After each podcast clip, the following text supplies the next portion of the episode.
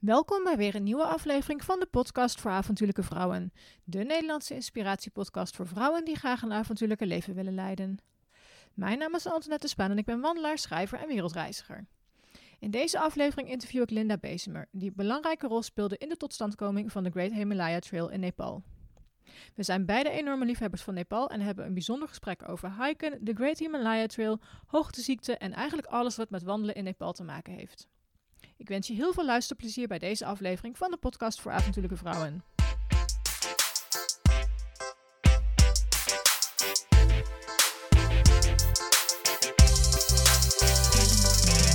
Linda, van harte welkom bij de podcast voor avontuurlijke vrouwen. Wij zitten hier op het kantoor van uh, Better Places tra uh, Travel in Leiden. Um, en mijn allereerste vraag aan jou is: wie ben je en wat doe je? Oké, uh, nou, ik ben Linda Bezemer. Um, ik werk voor uh, Better Places. Um, als, uh, ja, ik doe van alles op kantoor in feite. ik ben verantwoordelijk voor een aantal landen in, in Azië, ook in Europa. dat gaat een collega van mij nu overnemen, maar dan blijf ik een beetje op de achtergrond betrokken. zet nieuwe reizen op, organiseer de beurzen. Ehm, en daarnaast begeleid ik trouwens ook nog reizen voor een andere reisorganisatie, Sawadi. Uh, dus dat vind ik wel leuk om een, ja, als het op kantoor zit, is het een beetje moeilijk voor mij. Dus uh, werk ik een gedeelte van het jaar op kantoor en uh, begeleid ik ook nog twee reizen per jaar ongeveer. Kijk, leuk. Ja, En uh, misschien kan je heel even kort wat vertellen wat Better Places precies doet. Want het is niet zomaar een reisorganisatie. Nee, nee Better Places is, een, is ook een sociale onderneming. is opgericht door Saskia Griep vanuit het idee dat ze echt een verschil wil maken. We willen echt ja, zo, op een zo duurzame mogelijke manier onze reizen organiseren. En de reizigers, uh, ja, via Better Places kom je ook rechtstreeks in contact met een reisexpert in het land uh, waar je graag uh, naartoe wil. En die stelt dan een reis helemaal op maat voor je samen. En wij vinden het dan heel erg belangrijk dat, ja, dat niet alleen de reiziger een fantastische reis heeft, maar ook dat de lokale bevolking zeg maar, optimaal profiteert van, uh, van het bezoek. Uh, en dat je dus ook heel veel contact maakt uh, met, die, met de lokale bevolking. Dat je in kleinschalige hotelletjes verblijft, in homestays. Mooie, echte lokale ervaringen opdoet tijdens je reis. Uh, zodat het echt voor beide kanten een soort van win-win uh, situatie is, om het zo maar te zeggen. Leuk. En ja. um, uh, nou, Saskia heeft ons of mij aan jou geïntroduceerd eigenlijk. Ja. Ik kreeg ineens een mailtje van haar van, goh, Linda moet je echt een keertje interviewen. Ja. Want zij, heeft, zij is absoluut een avontuurlijke vrouw. Zij heeft heel veel gedaan in Nepal voor de Great Himalaya Trail. Ja. Nou, dat is een trail die ik zelf heel graag nog een keer wil mm. lopen. Ik denk anderhalf jaar geleden met mijn, met mijn vriend heb ik een een lijst opgesteld. Een uh, zogenoemde ja, bucketlist. Ik, het woord bucketlist, daar ben ik een beetje aller allergisch voor. Maar ik, uh, we hebben een lijst gemaakt met dingen die we nog graag een keer willen doen in ons leven. En daar staat hij zeker op. Um, ik ben zelf ook een aantal keer in Nepal geweest. Dus vandaar ook meteen dat mijn interesse uh, gewekt was. Um, misschien is het uh, leuk als je even vertelt uh, wat de Great Himalaya Trail, Trail is. Ja. En, en, wat je precies hebt gedaan uh, ja. daarvoor. Want je hebt okay. niet alleen gelopen, toch? Nee, nee, nee. Ik heb ook ik heb vier jaar in Nepal gewoond. En dan werkte ik voor een ontwikkelingsorganisatie, een internationaal vanuit Nederland, SNV. En um, ja, het, het, doel van de Great Himalaya Trail, de Great Himalaya Trail was ook een soort van programma uh, waarmee uh, met als doel uh, of een ja, om, om de, zeg maar, de minder toeristische trekkingsgebieden te verbinden met de hele bekende uh, toeristische ja. trekkingsgebieden. Want in Nepal bijna iedereen wil ofwel de Mount Everest, uh, naar het Mount Everest Basecamp, ofwel naar Annapurna. En dan nog een kleinere gedeelte ook nog wel naar Langtang. Dat zijn echt precies de drie die ja. ik heb gedaan. Ja, precies. ja. Ik pik ze er alle drie uit, ja. ja, dat is dus niet geheel toevallig, want het is nee. toch wat de meeste mensen doen. Ja, ja, ja. En, maar ja, zeker als je naar de Annapurna of alleen maar naar het Mount Everest, Everest Basecamp gaat, als je dat dan niet via Gokyo doet. Uh, als je gewoon rechtstreeks naar het Everest Basecamp gaat en terug, dan ja, dat zijn gewoon hele druk belopen routes. Ja, uh, ja, drukker nog als de, als de Nederlandse Alpen, of de Nederlandse, de, de Oostenrijkse of Franse Alpen.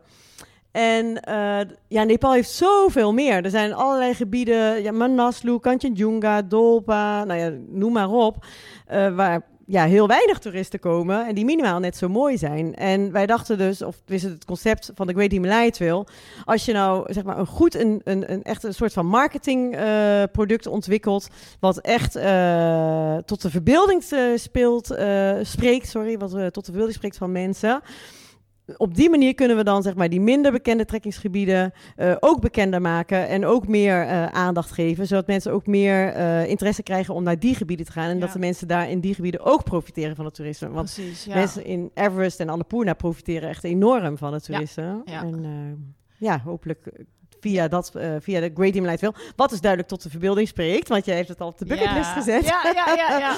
Hopen we dus dat, ja, dat we meer mensen kunnen, of hoopte toen ik daarvoor werkte natuurlijk, dat we meer mensen konden motiveren om, uh, ja, om ook naar andere gebieden te gaan in Nepal, die ook heel veel te bieden hebben.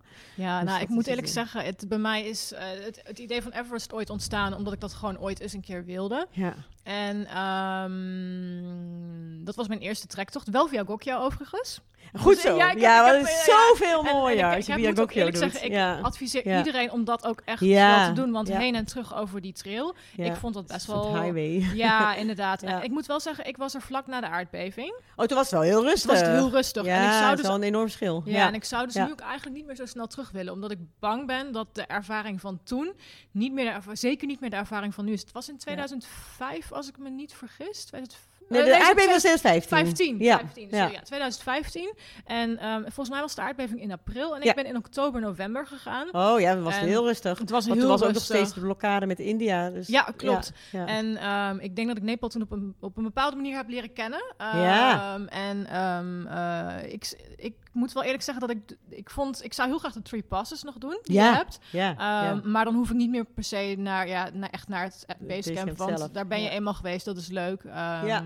Een hele mooie eerste kennismaking met Nepal. Zeker weten. Um, was, jij, was jij er trouwens toen de aardbeving uh, plaatsvond? Ja, ik was er uh, toevallig wel. Ik heb de, van tot en met 2014 voor dat project gewerkt, ik weet niet meer wil, maar daarna ben ik, ja, ging toch nog wel heel vaak terug om, uh, of ga ik nog steeds heel vaak terug om reis te begeleiden. Uh, want Nepal heeft gewoon echt uh, mijn hart gestolen. Dus ik wil daar eigenlijk liefst gewoon elk jaar wel een keer heen. En ik was er toevallig dus ook met de aardbeving. De dag daarna zou mijn groep komen die ik dan zou gaan begeleiden. En was je, jij was in Kathmandu toen? Ja, ik was in Kathmandu. Als je, want het, het was echt een hele heftige aardbeving. Ja, 7,8 en het duurde ook best wel lang.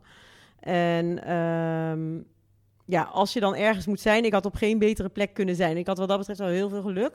Uh, want omdat ik natuurlijk in Nepal had gewoond, uh, kende ik wel veel mensen van de Nederlandse community. Ah, en die waren ja. toen, dat was 25 april en 28 april is Koningsdag. En uh, ja, dat, Koningsdag kun je natuurlijk in Nepal niet vieren op een doordeweekse dag. Dus toen waren we net uh, met z'n allen Koningsdag uh, aan het vieren. Oh. in het Summit Hotel. Dus ik was toevallig met... Het Summit Hotel is best wel een heel goed, stabiel hotel. Wat ja. ook ooit eens een keer door Nederlanders is weggezet. Oh, echt? dus, en ik was daar buiten in een tuin. En ik zag niet alles rondom me heen instorten. Dus dat was dan op zich wel een geluk, zeg maar. dat ik toen op die plek was, zeg maar. Ja. En, en zijn jouw gasten toen wel aangekomen? Nee, ik heb Want... toen meteen uh, want ze zouden die dag vliegen. Echt, volgens mij zouden, zo, staat sommige mensen waarschijnlijk al in de auto. Uh, en ik heb toen ja, met uh, kantoor meteen contact ja, opgenomen. Ja. Van nou, volgens mij moet je die ja. reis maar cancelen, want uh, het ziet er niet goed uit uh, hier. Nee. Ja. Nou ja, een vriendin van mij zat volgens mij letterlijk in het vliegtuig toen, vanaf Dubai onderweg naar Kathmandu. En het vliegtuig is omgekeerd. Het vliegtuig is omgekeerd? Voor, als ik me niet, of zij is, of ze zat vanaf Amsterdam naar Dubai, of het was, oh, maar ze is uiteindelijk niet, heeft die reis dus niet gemaakt. Nee, nee. En, uh, maar nee, ik, kan me voorstellen. Ik, nee, en ik, ik, ik, ik vond zelfs, zelfs na een half jaar vond ik nog heftig om te zien dat alles gewoon eigenlijk nog in puin lag. Toen nog wel, hè? Ja, dat, dat, dat, dat er op de tracks ook um, ja, uh, dingen, dat echt nog veel puin lag ook. Ja. En dat vond ik best wel uh, aangrijpend om, om dat te zien. Want dan maak je wel echt kennis met uh, wat er gebeurt op het moment dat, dat het even tegen zit. Ja, Uh, Dus ze hadden het dan wel, ja, en het was al extra pech, want toen was net die, ehm, nou ja, de nieuwe grondwet eh, was ingaan, daar was India heel erg tegen. En toen is ook nog, vlak na de aardbeving, is de grens tussen India en Nepal echt maandenlang dicht geweest. En ja, dat is de levensader Ja, voor het land, ja. dus er kon ook echt helemaal niks aangevoerd worden. En Nee, er daardoor lag ook brand- alles Er was stil. toen ook geen brandstof in die tijd. ja, precies, ja. vlieg- ja, ons ja. vliegtuig moest toen eh, omvliegen via Delhi of, of Ja, de Lucknow volgens mij. Ja, en, ja. eh, en daardoor misten wij van Turkish Airlines de aansluiting in, eh, in, in Istanbul. Waren we een dag later thuis. Want ik kan me nog herinneren dat er in Kathmandu overal van die jerrycans stonden. Voor mensen die brandstof nodig hadden. Ja. Was echt Ja, dat is in- overal een gebrek aan. triest, ja. ja, was echt triest, ja. Want Precies ook na die aardbeving, dus dat Ja, maakt het was, allemaal eh, nog een was gaatje. Het herstel wat langzamer, zeg maar. Maar Ja. nu, als je nu naar Nepal gaat, dan eh, je kunt er weer heel goed naartoe, hoor. Ja, zeker. Ja. Ja, en wat, wat deed jij precies voor die trail? Eh, wat was jouw, wat was jouw ja. taak. nou, ik werkte dus voor een ontwikkelingsorganisatie en ik kom gewoon echt van oorsprong als het al uit het reiswezen. Dus van de private sector, om het zo maar te zeggen.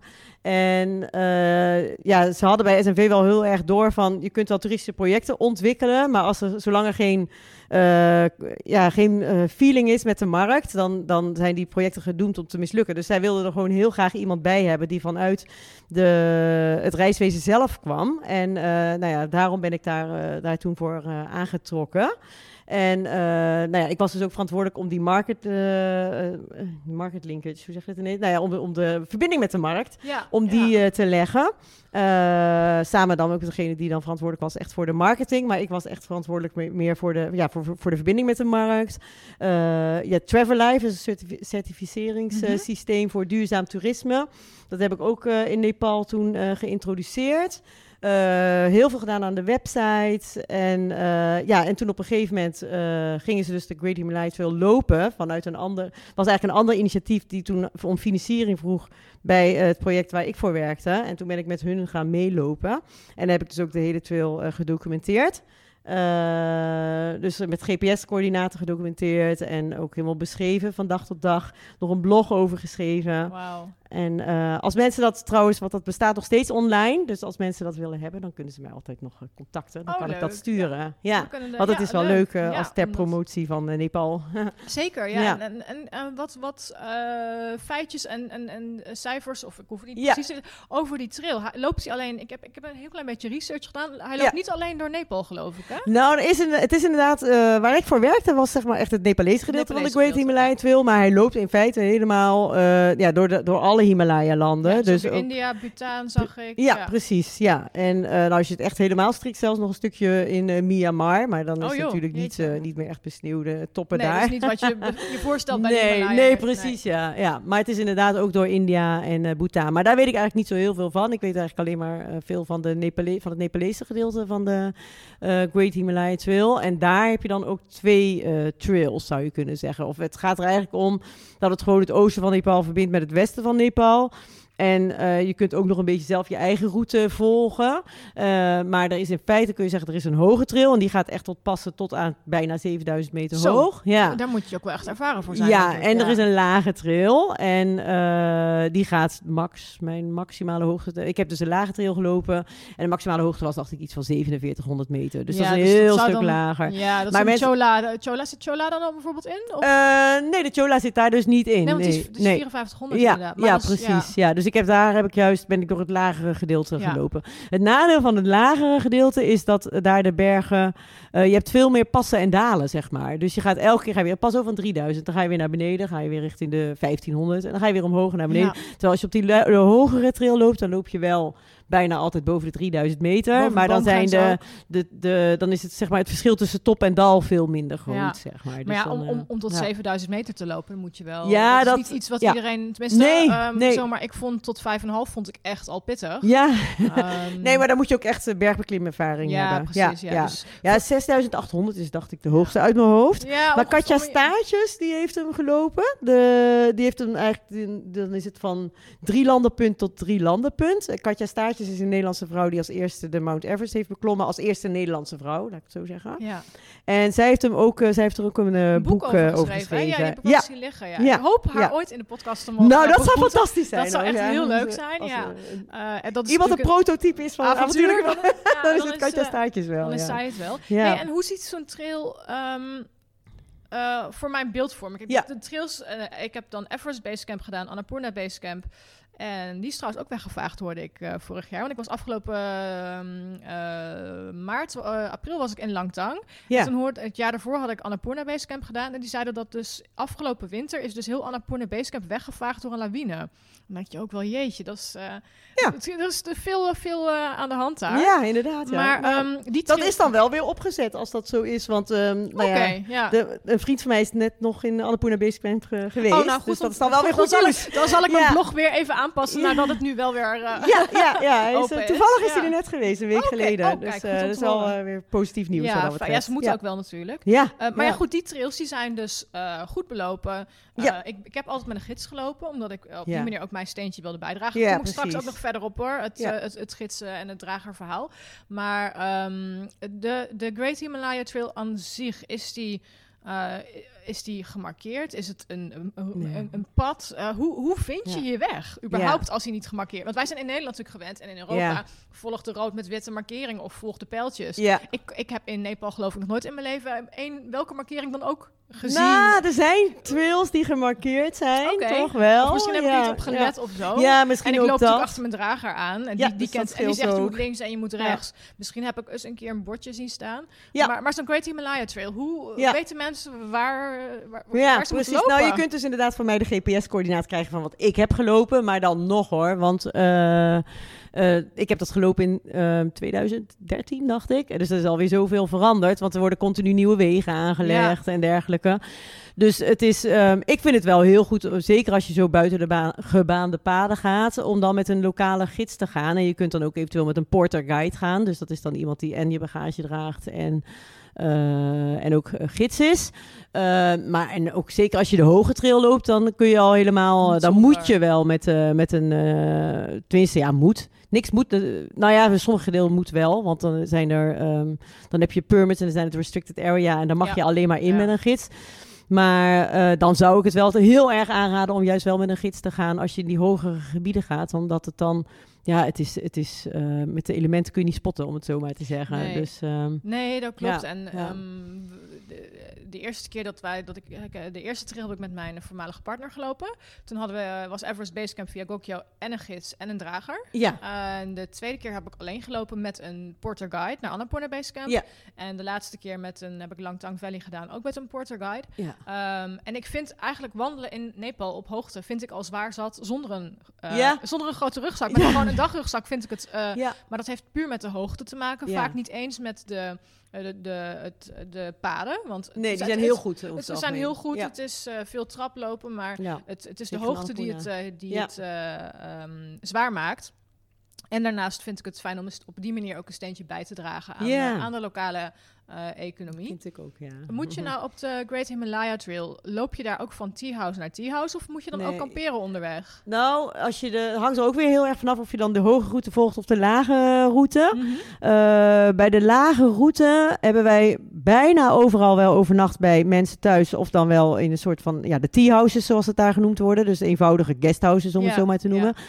Uh, maar uh, zeker in die dorpjes waar we dan vaak overnachten, als je daar zeg maar als buitenlander aan zou komen zonder een lokale gids, dan zou je daar echt geen accommodatie vinden. Want het waren dan echt onze lokale gidsen die dan die letterlijk bij mensen gewoon gingen aankloppen, uh, niet eens aanbellen, want dat hebben ze daar niet. Nee, om te kijken van, van hallo, wij zijn mogen, hier en ja. mogen wij hier toevallig slapen of mogen wij hier onze tent opzetten? Want we hadden dan dus wel een tent bij ons voor het geval dat er niet een ruimte was ja. om te slapen. Ehm maar ja, nee, want de, toeristische infrastructuur in de uh, niet-toeristische gebieden, zeg maar, die is nog zo beperkt ontwikkeld dat je echt wel op sommige plekken moet kamperen. Maar uh, zeg maar, uh, wij hadden maar twee nachten op die hele trail van oost naar west dat we zelfs daar, dat we, dat we ook zeg maar onze eigen eten mee moesten nemen. Oh, ja, dat de rest was overal, uh, konden we gewoon dalbat eten. Dus het ja, typische ja, gerecht. Overal, ja. En, ja. Is er kaartmateriaal beschikbaar? Of, um... Ja, um, wel, maar ook niet super, super goed. Uh, maar je hebt wel kaarten. Okay. In Nepal zelf dan eigenlijk. Ik weet niet eens of je die echt online ook nee, zou kunnen kopen. misschien in, uh, ja, precies. In Tamel, in ja, Kathmandu. In Tamel, inderdaad. Ja.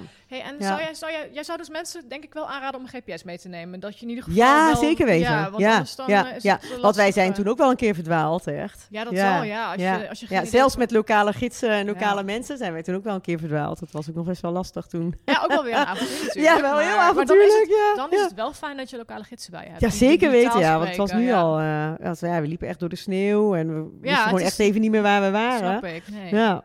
Hey, en um, uh, ik wilde even iets vragen over hoe lang heb jij gelopen? Hoe, uh, qua ja. periode, hoe, hoeveel kilometer moet ik me ongeveer voorstellen ja. dat het is en hoe lang doe je daar dan over? Als je helemaal van oost naar west loopt, dan, uh, ik heb net nog even opgezocht, was 1550 kilometer. Dus dat is best, wel... ja, en we hebben er drie maanden over gedaan toen Jeetje, En dan elke dag ook gewandeld? Ja, we hebben een paar rustdagen hebben er ook wel in gehad, hoor. Ja, maar een groot gedeelte... Meestal waren we wel aan het lopen. Ja, elke dag Dalbad. Elke dag dat Power 24 hour. Exactly, ja. ja. T-shirt, ja. En um, um, wat miste je? Miste je de warme douches bijvoorbeeld? Ik, ik, als ja. Ik, ja, ik kan me voorstellen dat uh, ik mis als ik een dag of tien heb gewandeld in Nepal, mis ik mijn warme douche. Daar heel erg. Het is niet omdat ik echt een luxe paardje ben. Ik vind het nee. niet erg om, om twee weken niet te douchen. Maar ik waardeer dan op een gegeven moment wel weer dat ik denk, oh, ik kan even mijn haar wassen. Ja, precies, en, ja. Ja, ja, um, hoe, hoe, was het daar? Heb je gewoon echt drie maanden geen warme douche gehad? Nee, ja, je had ook wel vaak van die bucket showers. Oh ja, ja. ja, dus dan kreeg je een uh, emmer met heet warm water en een... Uh, en een klein uh, kannetje waarmee je dan zo over je ja, kunt gieten. Dus dat is op zich werkt dat best wel goed om je haar te wassen en jezelf goed te wassen. En er waren natuurlijk, want we kwamen ook langs het Annapurna-gebied en we kwamen door het ja. uh, Everest-gebied. Dus daar hadden we natuurlijk weer wel een warme douche. dus dan ben je wel heel blij.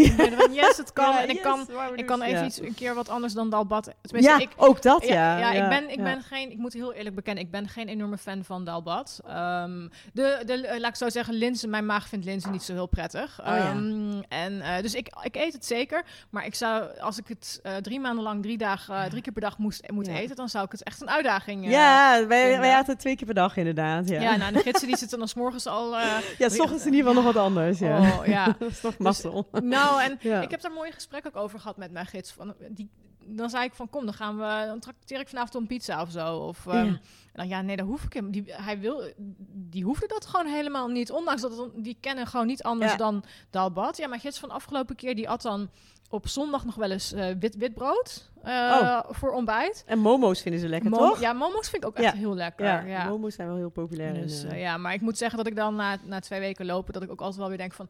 oh ja, gewoon het, is allemaal, het smaakt allemaal hetzelfde. Als je westers eten neemt, dus een pizza of een sandwich of pasta... dat smaakt allemaal hetzelfde. Het maakt dan niet uit of je pizza met tonijn neemt... of pizza met champignons. Het, het smaakt allemaal... En ik vind het op zich altijd vrij uitzonderlijk of wonderbaarlijk dat ze dan op zo'n hoogte toch nog een maaltijd voor je in elkaar kunnen Nou, en zo'n enorm menu vaak, ook uh, op de meer toeristische plekken. Ja, zeker, ja. En uh, ik, ik merkte trouwens de laatste keer ook, en ik weet niet hoe jij daar, uh, in, of jij daar dat gemerkt hebt. toen ik de eerste keer in Everest was, was 2015. En toen was er nog heel makkelijk om contact te leggen met de locals op, op de trail. En 2017 was ik 2017, ja, 2017 was ik terug voor Annapurna Basecamp. En ik merkte daar al dat de lokale bevolking en vooral de dames allemaal Candy Crush aan het spelen waren op hun mobiel. Dus toen had mm. wifi had ook echt hun intrede gedaan daar. En ik vond dat best wel jammer, want ik, die gesprekken die ik dan had uh, na mijn acclimatisatiewandeling, dus voor degene die uh, Nepal niet kennen, um, de meeste trekkings die ik heb gedaan zei dus dat je s'morgens na het ontbijt ga je weg. Dan loop je tot aan de middagpauze. Check je in bij je tea house. En uh, dan doe je smiddags, rond een uur of drie tot vier, doe je iets van een acclimatisatiewandeling of zo. Uh, om even naar boven, ja. acclimatiseren op de hoogte en dan weer terug. En dan daarna had je vaak hele leuke gesprekken met, met, de, met de lokale bewoners. En dat, dat was de keer daarna niet. Dat ik dacht, oké, okay, wauw, hier heeft wifi en, um, en mobieltjes hebben echt volledig hun intrede gedaan. Ja. heb jij, wat is jouw, um, wordt dat, um, is dat veranderd? Uh, heb jij dat ook gemerkt, die verandering? Uh, nou, ik vind sowieso ook wel, nou ja, eigenlijk wel. Dat is wel een groot nadeel van, uh, van de mobiele telefoon ja. die overal er is. En dat ken ik, dat, dat of iets anders, ja, ja.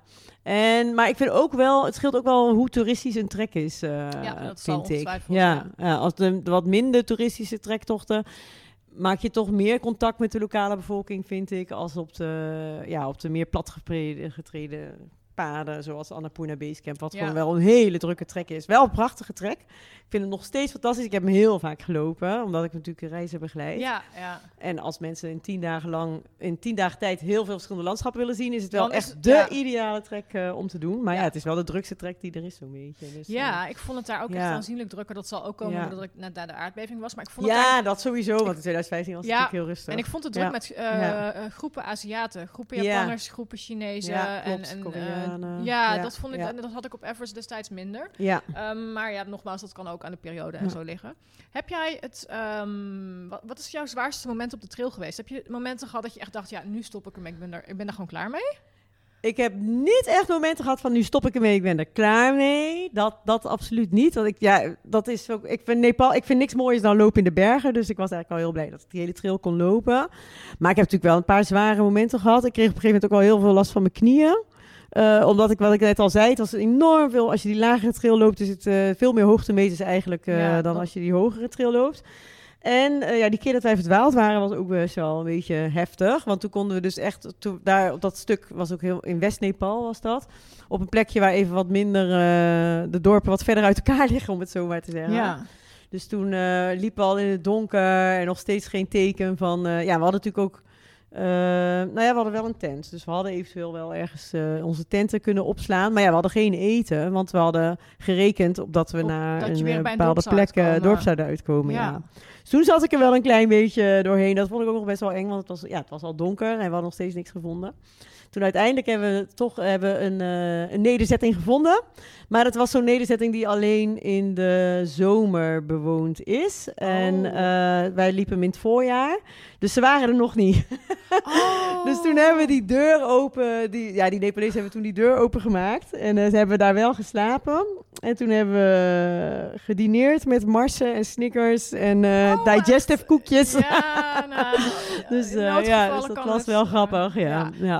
Achteraf gezien. Was heb je dan, ja, Wat je, precies wat je zegt, achteraf. Ik heb dat ook wel eens met momenten dat op het moment zelf vind ik het verschrikkelijk. En dan loop ik uh, nou, ja, te huilen of te stampen. Dat ik denk, ah, ik kap ermee, ik vind het niet leuk meer. En dan achteraf denk je, huh, zo erg was het eigenlijk allemaal niet. Het was nou, alleen maar memorabel. Ik was wel opgelucht dat we een soort, toch wel een soort van huis hadden. Snap dat ik, je, dat je met, hoeveel, met hoeveel mensen liep je Ja, wij liepen met best veel. Want het was dan een, een groepje van vier. Die had uh, uh, zeg maar besloten om die trail te lopen. Dat was een Belgisch-Nepalese man die ook een reisorganisatie leidde en die veel Everest-beklimmingen ook organiseerde, dan in ieder geval. met Appa Sherpa. En Appa Sherpa was op dat moment was hij de um, uh, de Guinness Book of Records van aantal Everest-beklimmingen. Die had hem 21 keer beklommen. Dus dat was wel heel gaaf om, die, uh, om, met hem, ja. ja. om met hem mee te mogen ja. lopen. Dat was echt fantastisch. En dan was er nog een professionele uh, fotograaf. En een professionele journalist die ook voor de Nepalese tv werkte. Dus oh, het was echt best wel een beetje een, ja, een, een ding, om zo maar te zeggen. En daarmee, uh, daarbij sloot ik dan aan. En dan was dat er nog een hele crew uh, rondomheen. Ja. Met uh, allemaal, nou ja, een gids, een siddar noemen ze dat dan. Iemand die ja. die hele trek organiseert, dragers. Um, en uh, toen later kwamen er nog twee mensen bij, die hem ook zeg maar liepen vanuit, uh, dus niet vanuit de crew, maar uh, nog extra erbij. En dan hadden wij zeg maar een klein groepje met onze eigen dragers, dus met die twee mensen en ik. En, en dan het andere groep van die vier die ik net noemde. Dus we waren echt wel, we waren met 25 man of zo, okay, alles ja. bij elkaar, echt wel veel. En ik was dus de enige in het eerste gedeelte, dus voordat die twee mensen erbij kwamen, dat was een Amerikaanse dame en nog een Nepalese jongen. Daarvoor was ik dus en de enige vrouw en de enige niet-Nepalees in die oh. groep van 20 mensen. Dus dat was ook dat wel apart. Ja, dan ja. ben je bijna een toeristische attractie, zou je, ja. zou je kunnen zeggen. Um, ja. Hoe denk je überhaupt is een algemeenheid over wandelen met een uh, drager slash gids? Ik krijg die vraag zoveel. Mijn uh, ah. Everest Basecamp blog uh, is, en Annapurna sinds kort ook, staan allebei in de top 10 van meest gelezen artikelen op oh, mijn wat website. Goed. Ja. dat vind ik wel heel fijn om te horen. Want Nepal heeft natuurlijk echt mijn hart. Ja, deze zijn, ze doen het echt heel goed. Ja. Um, en eigenlijk de meest gestelde vraag is, moet ik wel echt met een gids? Dat zijn dan toch ja. de, de budgetjagers die denken, ja, maar heb ik dat nou wel echt nodig? Um, volgens mij heb ik het net al genoemd. Ik vind het de, de ja. kleine moeite en een steentje bijdragen aan de lokale economie. Um, hoe sta jij daarin? Ja, dat is natuurlijk wel voor ieder persoonlijk. Uh, er zijn volgens mij sowieso maar drie trekkings. En dat zijn inderdaad de drie populaire. Dus uh, waar het uh, toegestaan is om zonder gids te lopen. Omdat je anders al gauw bij de restricted areas komt. Waarbij ja. je sowieso al met een, een, een licensed guide moet gaan.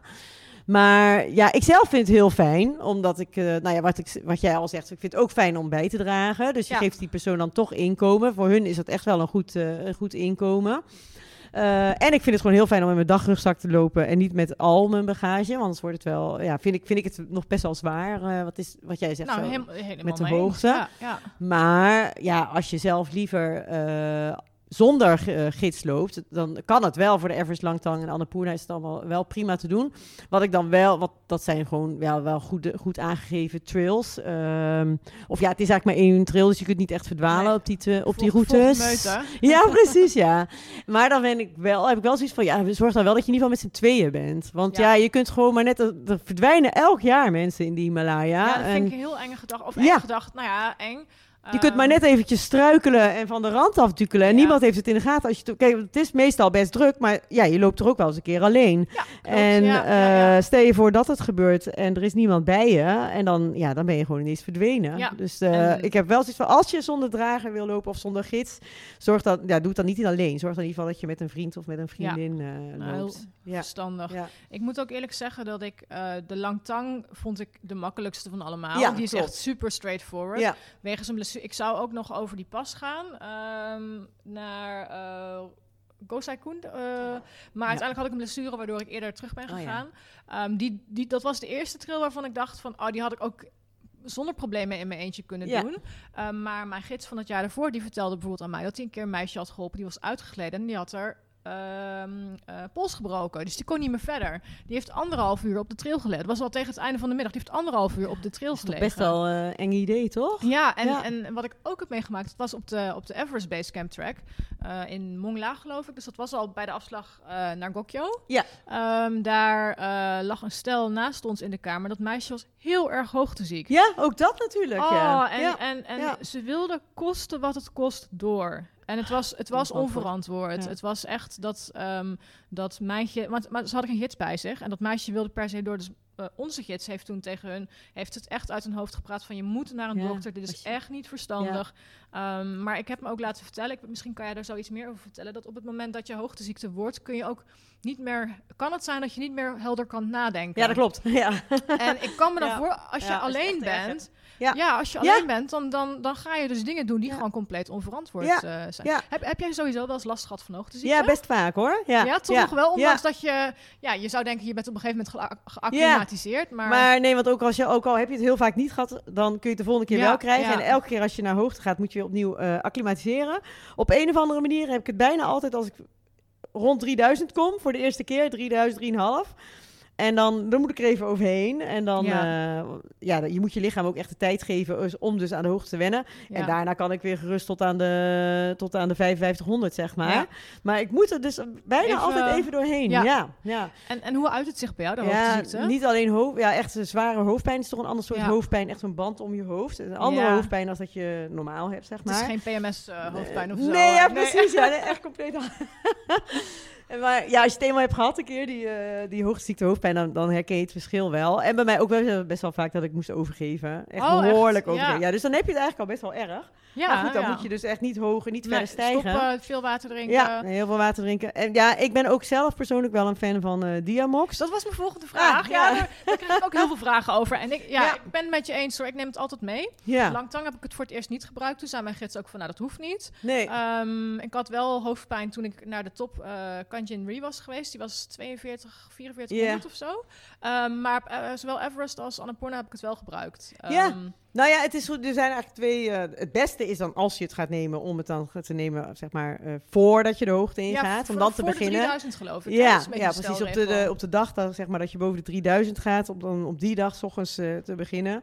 Uh, of zelfs misschien al de avond ervoor. En dan uh, meestal neem je gewoon twee keer een halve. Ja. Uh, dus ja. een halve in de ochtend en een halve bij het avondeten. Ik dacht een hele is 250 milligram volgens mij. Dus 125 in de ochtend en 125 in de middag. Um, ik zelf, als je nou eenmaal wel best wel, ik zeg net, ik heb best vaak hoogziekte gehad, dus ik, weet, ik voel het precies aankomen. Ja. Dus ik probeer het altijd eerst zonder. En als ik het dan een beetje voel aan te komen, dan, uh, dan neem ik het meteen. Maar het is een beetje de mensen tegenstanders, zeg maar, die zeggen van ja, maar het onderdrukte verschijnsel van hoogziekte. Maar omdat ik, ja, ik ben dus ook inderdaad in, uh, tijdens de Everest Basecamp uh, tocht, kreeg ik het ook heel erg. Toen ben ik ook bij een dokter geweest, die helemaal gespecialiseerd was in hoogteziekte. En die heeft hem ook heel goed uitgelegd. Het doet iets met de zuurgraad in het bloed. En het helpt je lichaam gewoon om echt sneller uh, te wennen, om sneller aan te passen aan de nieuwe hoogte. Ja. Dus het is niet een, een, pil die je lichaam die het onderdrukt. Het is gewoon echt een pil die je lichaam helpt acclimatiseren. Ja. En uh, ja, je moet er wel heel veel bij blijven drinken. En als je dan alsnog verschijnselen krijgt, dan, ja, dan is er gewoon geen enkele andere remedie dan, uh, dan afdalen. afdalen Eerst, ja. ja. als het nog een beetje, als het nog gewoon goed gaat, kun je op dezelfde hoogte blijven. Maar als het echt, uh, ja, de verschijnselen kunnen steeds erger worden. En als het dan ernstig is, dan moet je, dan is gewoon geen uh, andere remedie afdalen. Want ja, het kan, hoog, het kan, het kan dodelijk zijn, ja, hè? Ja, klopt. Ja, dus, uh, ja. ik, ik heb wel het idee dat trekkers die, sommige trekkers die ik ben tegengekomen, dat die het echt onderschatten. Ja, je ziet af en toe mensen lijken, oh, ja, en nou, je kunt bijna nou, amper nog recht lopen. En dan denk je, oh, ga naar beneden. Want, je hebt geen idee hoe gevaarlijk het kan zijn. We moesten toen in Mongla, of het dorpje daarna, moesten wij ook verplicht naar zo'n naar een, een, een, medische post destijds. Ah. Om ons te laten, of dat was, ik weet niet of het echt letterlijk verplicht was, maar onze gids heeft ons Heel daar naartoe Van ga daar naartoe en laat je daar even goed voorlichten over uh, oedeem, uh, hersenoedeem of zo, geloof ik. En wat het met je doet. Kregen we ook een filmpje te zien. En oh, dan denk je wel echt van, oh ja. dit is dus wel echt serious business. Ja, precies. En Maatje, ja. zegt ook altijd, je mag smiddags niet gaan slapen. Want als je smiddags slaapt, slaap je s'nachts niet meer. Oh ja. En dan, dan kom je natuurlijk naar je acclimatisatiewandeling. En dan moet je vaak een paar uurtjes wachten tot aan je avondeten. En dan is echt van die momenten dat je in wil suffen. Dus hij zei altijd niet slapen, gewoon meteen naar je avondeten gaan slapen als je moe bent. Je veel, ja, veel water drinken. Veel. knoflooksoep. Knoflooksoep, ja. ja, het is nooit bewezen. maar ik heb altijd wel het idee dat het wel helpt, ja. En per duizend meter uh, liter water, hè. Dus als je 4000 meter zit, dan 4 liter water. Ja, of thee. Maar, ja, en dan moet je dus weer de hele nacht naar de wc toe. Ja, precies, ja. dat is dan uh, het resultaat. Die uh, natuurlijk uh, vaak soms buiten is, dus dan is het nog extra leuk.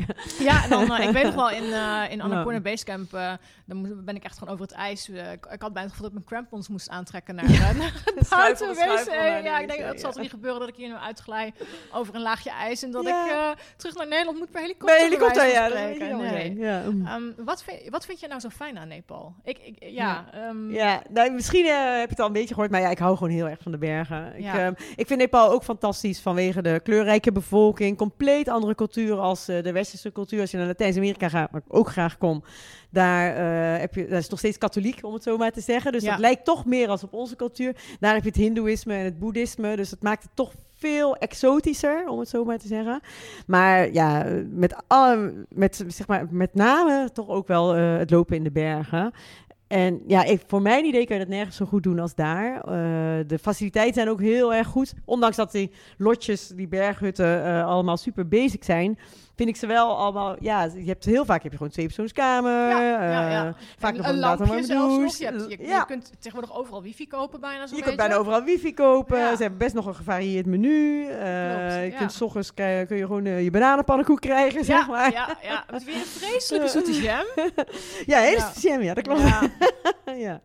Dus ja, ik vind het zo mooi. En zo ook met die Everest-tocht. Ja, je loopt gewoon aan de voet van zes, zeven en achtduizenders. Ja, en dat is vond het een heel zo indrukwekkend. Ja. Je krijgt wel echt het idee van, wow, je staat. Dat vond ik bij Annapurna Basecamp nog net iets meer omdat ja, je daar aan de voet staat. Ja. ja. En in Everest staat, je ziet vanuit Everest, nou voor de mensen die het niet weten, vanaf Everest Basecamp zie je Mount Everest dus niet liggen. Niet, nee. En vanaf Annapurna Basecamp kijk je wel dus pal op de Annapurna. Dus ja. daar, daar had ik nog meer het gevoel van nietig zijn dan bij Everest. Everest is meer een, misschien een prestige. Denk nou ja, de Kalapatar. Ja, dan zie je Everest natuurlijk weer wel heel mooi. Gedaan. Ik ben heel erg ziek geweest. Maar ik, was ah, niet, ik was niet ziek van de hoogteziekte. Ik ben in Namche Bazaar naar een bakkertje geweest waar ik een bedorven stuk taart heb gegeten. Dus ik ben tien dagen lang aan de buikloop geweest. Oh, dan is het wel heel lastig om die trek nog ja, mijn te brengen. Ja, mijn gids oh. heeft mij letterlijk over Chola moeten trekken. En die heeft ook gezegd toen we in Gokyo aangekomen zijn van... Ehm, uh, Antoinette, wil jij Gokyo beklimmen of wil jij door naar Everest Base Camp? Want met jouw toestand momenteel kan je het niet allebei. En toen zei ik, nou, ik ben gekomen voor Everest Base Camp, dus ik ga voor Everest Base Camp. Maar hij en uh, we liepen met een, een, Spaanse dame op. Hij en uh, haar gids, die hebben mij letterlijk echt over Chola getrokken. Zo, Want, en, ja. en toen ik eenmaal weer... Um, Dan voel je je wel ellendig waarschijnlijk. Oh, echt. En, en de, de, de, de, de trail was redelijk oké. Okay. Er lag niet heel veel sneeuw en geen ijs. Um, Maar ik voel hoe ik, ik weet niet meer zo goed hoe ik het gedaan heb. het was echt pure wilskracht. Die pure wilskracht, dat wilde ik net gaan zeggen. Ja, ja wel knap. Ja, je weet ook gewoon, ik wil het. En je wilt gewoon Everest Basecamp halen. Ja. En wat ik zo bijzonder daar ook aan vind, is dat conditie maakt helemaal niet zoveel uit. Of tenminste, ik, ik je moet wel uh, enige conditie hebben, maar als je hoogteziekte krijgt... Nee, dat heeft er geen invloed op. Nee, nee was juist... Ja, ik heb, ik heb toen, um, toen wij in Kathmandu waren in het hotel aan het begin van de reis uh, toen een uh, marathonloper uit Nijmegen ontmoet. Er kwam net een Nederlandse groep binnen toen wij uh, weggingen. En die vertelde, ja, ik heb het niet gehaald, ik ben hoogteziek geworden. Ja. En toen dacht ik, ja, dan kun je dus... Ik, ik ben namelijk geen hardloper, ik ben oh, een wandelaar. En, en hij, um, hij is een marathonloper en hij had net de Zevenheuvelenloop in Nijmegen ook gedaan. Hij zei, ik heb het niet gehaald vanwege de hoogteziekte. Had ik nooit verwacht dat het, dat, dat me de nek zou omdraaien, of eigenlijk. En toen dacht ik wel van, oké, dus, dus... En Tuurlijk, je moet een basisconditie hebben en weten wat wandelen is. Ja. Maar het is ook een kwestie van, uh, ja, eh, van een klein beetje doorzettingsvermogen ja, en geluk. En qua hoogteziekte is gewoon geluk, inderdaad. Ja. Klopt, ja. En, en, en, gewoon nooit boven je tempo lopen, inderdaad. Nee, oh, dat nooit boven je tempo lopen. Zo moeilijk in het begin. Mijn, uh, mijn... Die gidsen, die, die, die helpen je wel om Ja, die zeggen slowly, slowly, like a monkey. Mm. En mijn, uh, mijn toenmalige partner, die, die, dat, is een heel, dat was echt een berggeit. Die rende ook zelfs in Nepal omhoog. Oh, en ik liep maar Maar dan heb je dus meer kans. Puff, puff. Ja. Hij, hij vier stappen omhoog en weer uitademen. Ja, En in het begin voel je je heel, ik voelde me dan best wel suf. ik dacht, ik kan het gewoon niet. Maar na twee, drie dagen weet je gewoon, ja, het maakt niet uit hoe langzaam ik loop. Ik kom er toch wel. komt er wel, hè? En het, uh, want de, afstanden zijn allemaal niet heel lang en de trails zijn vrij makkelijk. Het is gewoon puur rust. Het is ook, ze zijn ook niet technisch. Er zitten nee. geen, alleen Chola is... Alleen Chola is een beetje lastig. Chola is lastig uh, met, die, uh, met die afdaling naar die gletsjer als je vanaf Gokyo loopt. Maar voor de rest, ja, daar hangen touw, daar hingen destijds hing daar een touw waar je aan kon laten zakken. En de gids die begeleidde ons, we hadden van die crampons gekocht, dus dat ging allemaal goed. Ja, dan gaat het ook een stuk beter. Stel dat mensen naar Nepal willen. Mm. Um, wat vind jij dat ze sowieso zouden moeten gaan zien? Als ze ongeveer twee weken hebben. Ja, nou ik zou sowieso, al doe je maar een, met één overnachting, uh, maar ik zou sowieso wel even ja, als je maar twee weken hebt, kun je niet heel ver de bergen in. Maar ja, nou ja, je zou nog steeds, dat is dan wel het Annapurna-gebied, is wat toeristischer natuurlijk. Daar hadden we het net ook over. Maar ik zou dan toch sowieso een paar dagen nog wel door de bergen gaan, hoor. Poenhil is wel Je kunt Poenhil, dat is dan vier, vijf, vier of vijf dagen. Uh, je kunt ook de Panchasse-trek. Dus dat is P-A-N-C-H-A-S-E, Panchassa. En die is nog wat, uh, ga je nog wat minder hoog. Want bij de Poen Hill Trek ga je tot uh, overnachting dan 2900 en Poen Hill zelf 3100. Dat is een fantastisch uitzichtpunt. Druk, maar wel heel mooi op het hele Annapurna en uh, Dalagiri massief. En als je dus wat rustigere trek wil en ja, nog net wat minder hoog, uh, dan is dus die Panchasse trek ook heel leuk. En die kun je al in drie dagen lopen. En dan, ja, dan zie je ook prachtig de Annapurna's. Net iets verder uh, wel als bij Poen Hill. Maar ja, ik, ik zou toch echt, uh, als je enigszins van lopen houdt, van wandelen houdt, dan om toch wel de bergen in te gaan. Ja, ja, ja, denk het ook wel. Ik ben ja. ook eigenlijk nog nooit ergens anders in Nepal geweest dan de bergen. Ja, het is zo... Want Anne, of, um, Kathmandu is best druk en vuil eigenlijk wel. En dan is het zo heerlijk als je de stad uit bent en als je de bergen in bent. Hoe heb je het daar lang zo, zo lang volgehouden? Ik vind het... Ik heb echt een haat-liefde verhouding met ja, uh, Kathmandu namelijk. Ik vind het... Ik ben zelf astmatisch, dus uh, de, de, oh. de, de, verontreiniging is echt een drama daar voor mij. Uh, maar ook de drukte. Als ik daar voor het eerst kom, dan denk ik... Oh yes, ik ben er weer. Oh, de drukte. En ik vind het heerlijk. En na twee dagen denk ik alweer... Oh, dat getoeter en uh, de drukte en de stank. En um, hoe heb je het daar zo lang volgehouden? Ja. ja. nou, ik had wel geluk. Ik woonde in wel een heel fijn wijkje. Uh, Dus dat is net uh, boven Patan, zou je kunnen zeggen. Dus je hebt dan zeg maar Kathmandu en Patan. Oh, ja, die liggen aan elkaar vast. En daartussen dat je dan een wijkje, dat heet Kopondol, vlakbij het Summit Hotel. En dat was best wel een relatief uh, rustig wijkje. Ehm, schoon, relatief schoon ook wel. Dus daar was het eigenlijk wel goed te doen. was eigenlijk wel een hele fijne plek. Nou, gelukkig maar. Ja. Um, ik denk dat we. Uh, ik zit even kijken naar de tijd. Ja, ja, we hebben nog heel eventjes. We zijn drie kwartier bezig. Ik wil je graag nog even wat algemene vragen stellen ja, over. Uh, uh, want wat, wat versta jij onder avontuur? En hoe avontuurlijk vind je zelf dat je bent? Ja, dat is een grappige vraag. Um, nou, avontuur, ik vind eigenlijk alles wat niet het geëikte dagelijkse leven is en wat ook niet uh, wat je hebt in je dagelijks leven heb je heel veel zekerheden, zeg maar, ingebouwde zekerheden. En alles wat een beetje los staat van die zekerheden, dat uh, kun je al uh, avontuur noemen, zeg maar. Wat afwijkt van, het, van, de, van de dagelijkse routine, dagelijkse en van de zekerheden die je hebt. Dus ja, dat kan ook gewoon in Nederland zijn als je een keertje ergens gaat kamperen of zo. Dat kan ook al heel avontuurlijk zijn. Of, uh, of verdwalen in het bos. Ja. Nee, nou, ik had gisteren had ik een uh, podcastopname met, uh, met Zoe. Ik weet eerlijk gezegd nog niet of ik welke van de twee ik eerst ga releasen. Maar, ja. um, en zij zei ook, het is ook meer een, een state of mind avontuur. Ja. Het is niet per se van, oké, ik ga nu wandelen en ik ga op avontuur. Maar het is meer ook een beetje hoe je in het leven staat. Hoe je in het leven staat, ja. ja. En ja, ik vind dat heel moeilijk van zeggen, wat ben ik nou een avontuurlijke vrouw? Maar ik ben wel, zeg maar, uh, nou ja, om een voorbeeld te noemen. Ik werkte hiervoor dan dus ook uh, voor Samen die Reizen op kantoor.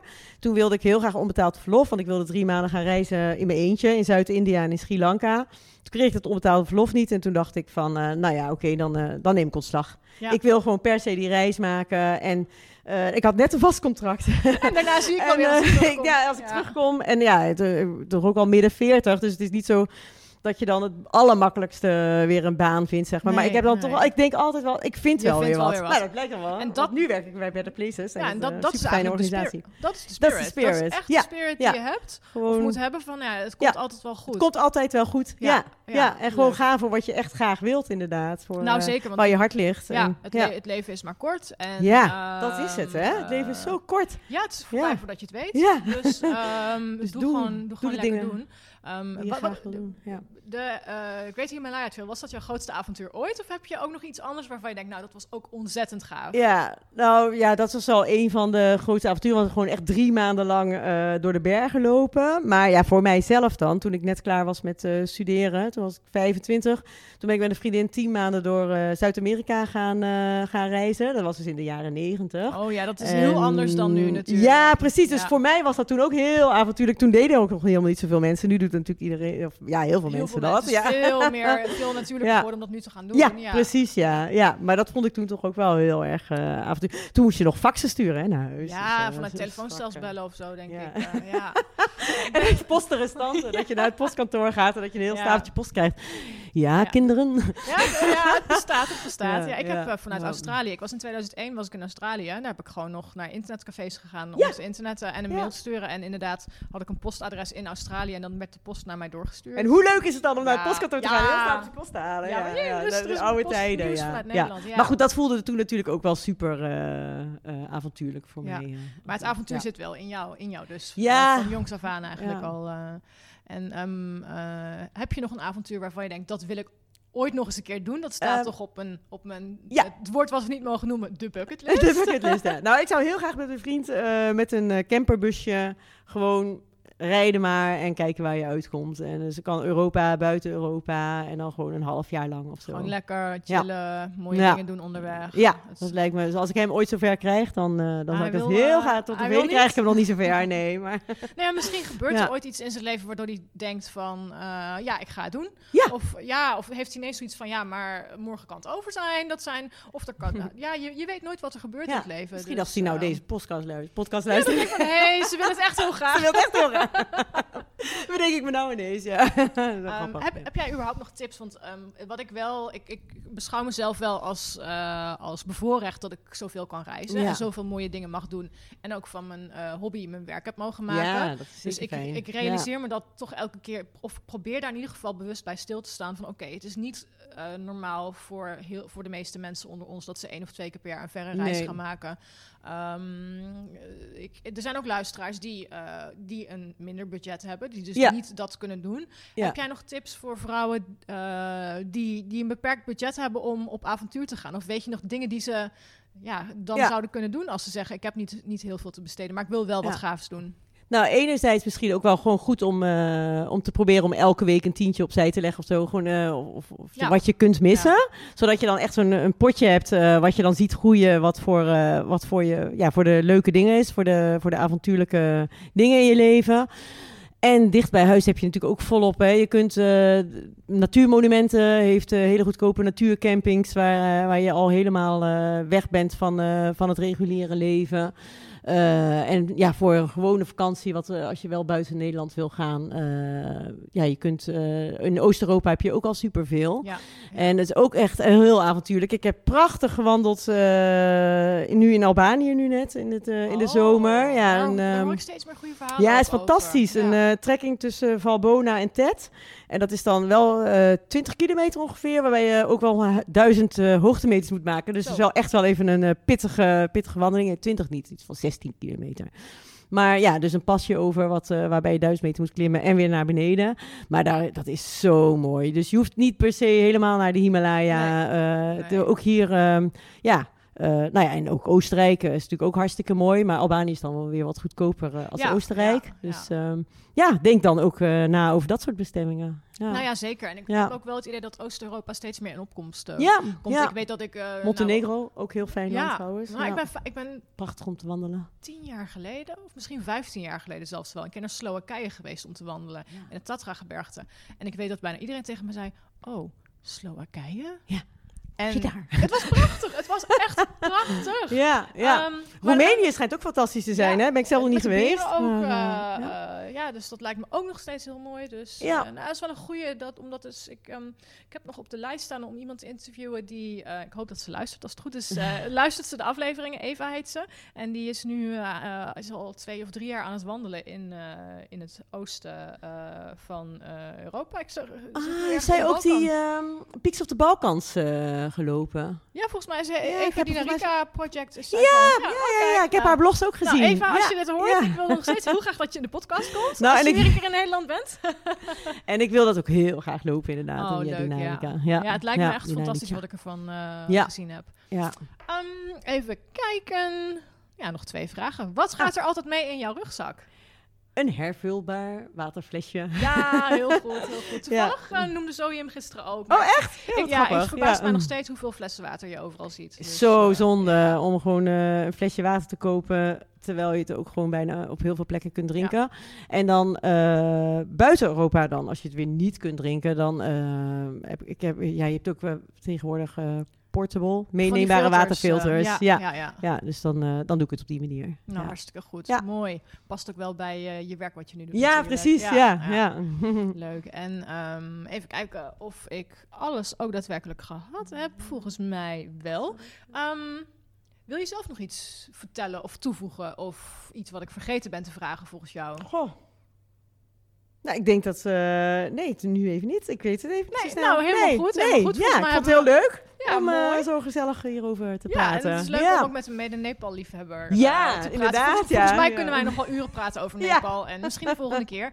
Um, ja. Als mensen meer willen weten over jou, over Nepal, oh, waar kunnen ze jou online vinden? Ja, ik denk op mijn uh, LinkedIn. Uh, dat is gewoon Linda Bezemer aan elkaar geschreven. Of op Facebook. Uh, daar sta ik met een foto op het Everest Basecamp. Dus dat zou je ook wel vinden. of bij ja. Better Places natuurlijk. Linda.betterplaces.nl. Oké, okay, leuk. Nou, ik, ik, zal ja. sowieso alle links ook even toevoegen in de show notes. Ah, zodat mensen ook kunnen doorklikken als ze dat willen. Um, en um, ik zit even te denken, wil ik nog iets van jou weten? Nee, volgens mij uh, was dit het. Dus dan wil ik je bij deze hartelijk bedanken voor je tijd. Dat ik hier te gast mocht zijn in Leiden.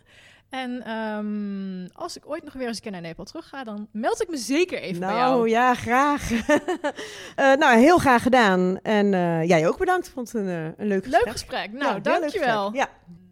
Hopelijk heb je genoten van deze podcast met Linda en hebben we je geïnspireerd om eens naar Nepal te gaan om een trektocht te maken. Luister je deze podcast op iTunes, dan zou ik het tof vinden als je me 5 sterren waardering wilt geven. Wil je meer weten over Linda en de Great Himalaya Trail? Kijk dan op avontuurlijkevrouwen.nl of volg het Avontuurlijke Vrouwen account op Instagram. Ook is er de besloten Facebook community voor avontuurlijke vrouwen waar je kunt connecten met like-minded dames. Lid worden kan eenvoudig door een lidmaatschapsverzoek in te dienen. Voor nu bedankt voor het luisteren en graag weer tot de volgende keer.